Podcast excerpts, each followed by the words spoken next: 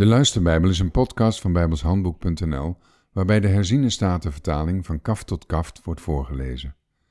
Dit is Richteren 14. Simson ging naar Timna.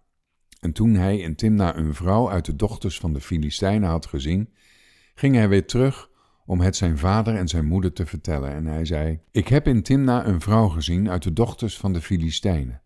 Welnu, neem haar voor mij tot vrouw. Maar zijn vader zei tegen hem, evenals zijn moeder: Is er onder de dochters van je broeders en onder heel mijn volk geen vrouw, dat je weggaat om een vrouw te nemen van die onbesneden Filistijnen?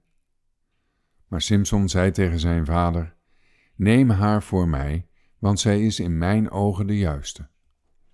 Nu wisten zijn vader en zijn moeder niet dat dit van de Heere was, dat hij een aanleiding zocht tegen de Filistijnen want de Filistijnen heersten in die tijd over Israël. Zo ging Simson met zijn vader en zijn moeder naar Timna. En toen zij bij de wijngaarden van Timna aankwamen, zie, een jonge leeuw kwam hem brullend tegemoet. Toen werd de geest van de Heere vaardig over hem, zodat hij hem uiteenscheurde, zoals men een bokje uiteenscheurt, zonder dat hij iets in zijn hand had. Maar hij vertelde zijn vader en zijn moeder niet wat hij gedaan had. Hij ging verder en sprak met de vrouw. En zij was in Simpsons ogen de juiste. Toen hij na enkele dagen terugkeerde om haar tot vrouw te nemen, week hij van de weg af om het kadaver van de leeuw te zien. En zie, er zat een bijenzwerm in het lichaam van de leeuw met honing. Hij nam die honing in zijn handen en liep al etend verder. Hij liep naar zijn vader en zijn moeder en gaf hun er wat van, en zij aten ook. Hij vertelde hun echter niet dat hij de honing uit het lichaam van de leeuw genomen had. Toen ook zijn vader bij de vrouw aangekomen was, richtte Simson daar een maaltijd aan, want zo deden de jonge mannen. En het gebeurde toen zij hem zagen, dat zij dertig metgezellen uitkozen die bij hem zouden blijven. En Simson zei tegen hen: Laat mij u toch een raadsel opgeven. Als u mij dat binnen de zeven dagen van deze bruiloft goed kunt uitleggen en kunt ontdekken wat het betekent, zal ik u dertig stel onderkleren geven en dertig stel bovenkleren. Maar als u het mij niet kunt uitleggen, dan moet u mij dertig stel onderkleren en dertig stel bovenkleren geven. Daarop zeiden zij tegen hem: Geef uw raadsel op en laat het ons horen. En hij zei tegen hen: Eten kwam uit de eter en zoetigheid kwam uit de sterke.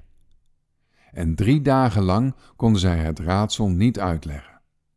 Toen gebeurde het op de zevende dag dat zij tegen de vrouw van Simson zeiden: Haal uw man over om ons het raadsel uit te leggen, anders zullen wij u en het huis van uw vader met vuur verbranden.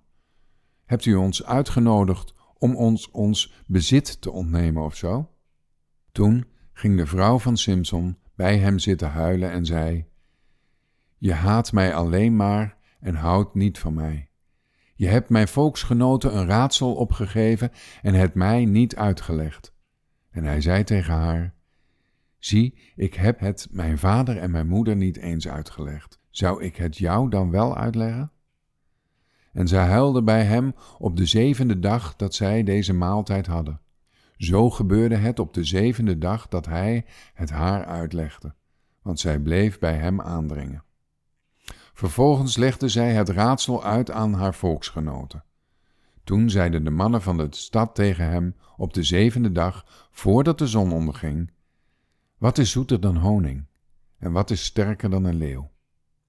En hij zei tegen hen: Als u niet met mijn kalf had geploegd, zou u de betekenis van mijn raadsel niet hebben ontdekt. Toen werd de geest van de Heere vader over hen. Hij ging naar de Askelonieten en sloeg dertig man van hen dood. Hij nam hun kleren en gaf een stel daarvan aan elk van hen die het raadsel hadden uitgelegd. Hij was echter in woede ontstoken en keerde weer terug naar het huis van zijn vader. En de vrouw van Simson werd de vrouw van zijn metgezel, die hem vergezeld had. Tot zover.